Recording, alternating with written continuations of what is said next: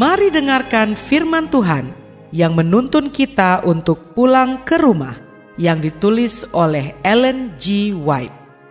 Melalui renungan pagi ini, kita akan belajar untuk berani menghadapi masa depan karena kita tidak lupa pimpinan Tuhan di masa yang lalu. Bersama Pendeta Andre Daimbani, selamat mendengarkan. Shalom, selamat pagi saudaraku. Renungan pagi kita hari ini 13 Maret berjudul Kesembuhan Rohani. Ayat intinya diambil dari Efesus 2 ayat 1. Demikian firman Tuhan.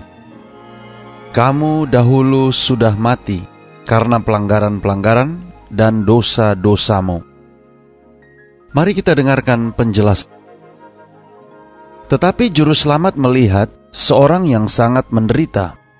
Ia adalah seorang yang telah menjadi lumpuh 38 tahun lamanya.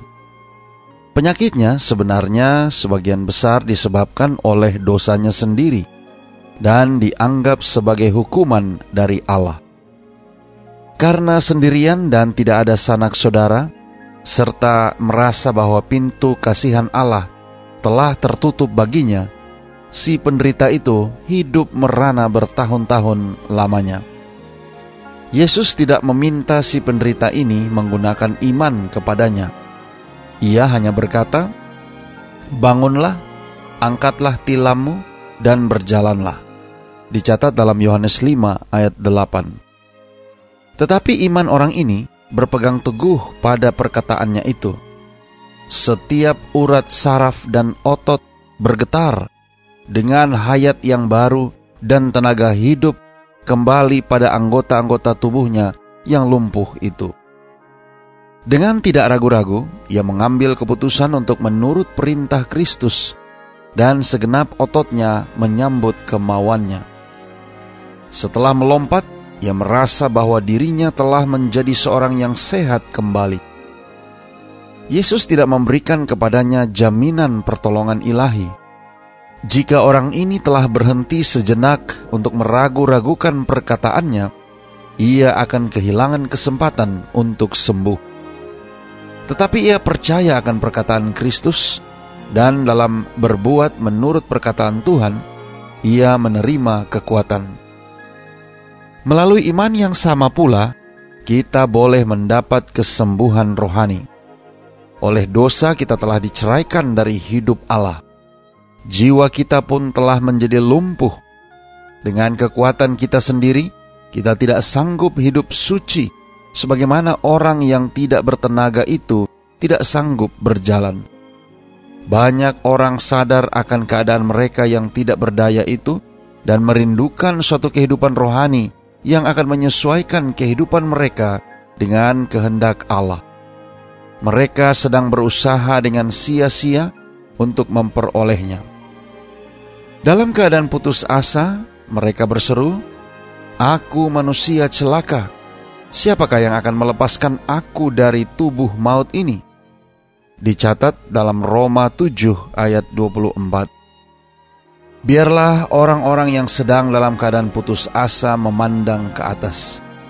Juru selamat sedang menundukkan dirinya kepada mereka yang ditebus dengan darahnya, sambil berkata dengan kelemah lembutan, dan belas kasihan yang tidak terperikan. Maukah engkau sembuh? Ia menyuruh engkau bangkit, berdiri dalam keadaan sehat dan penuh damai. Saudara-saudara yang kekasih di dalam Tuhan, jangan menunggu hingga engkau merasa telah sembuh. Percayalah akan perkataannya, maka itu akan digenapi Taruhlah kehendak hatimu pada pihak Kristus, mau untuk melayani Dia, dan dalam berbuat menurut perkataannya, engkau akan menerima kekuatan. Kebiasaan buruk dan hawa nafsu apa pun yang sudah lama dimanjakan dan mengikat jiwa dan tubuh kita, Kristus sanggup dan rindu untuk melepaskannya. Ia akan memberikan hidup kepada jiwa yang mati karena pelanggaran-pelanggaran dan dosa-dosamu.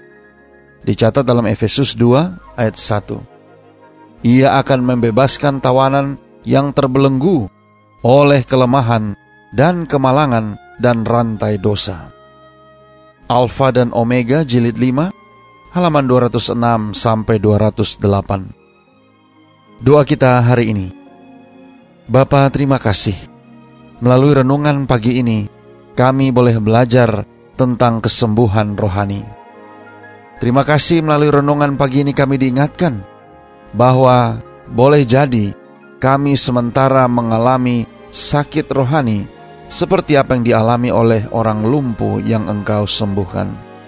Tolong kami hari ini Bapa, biarlah melalui pertolongan kuasa roh kudusmu, kami boleh dapat memiliki iman yang akan menolong kami untuk sembuh dari segala sakit rohani kami. Terima kasih Bapak. Inilah doa dan permohonan kami kepadamu. Di dalam nama Yesus kami berdoa. Amin.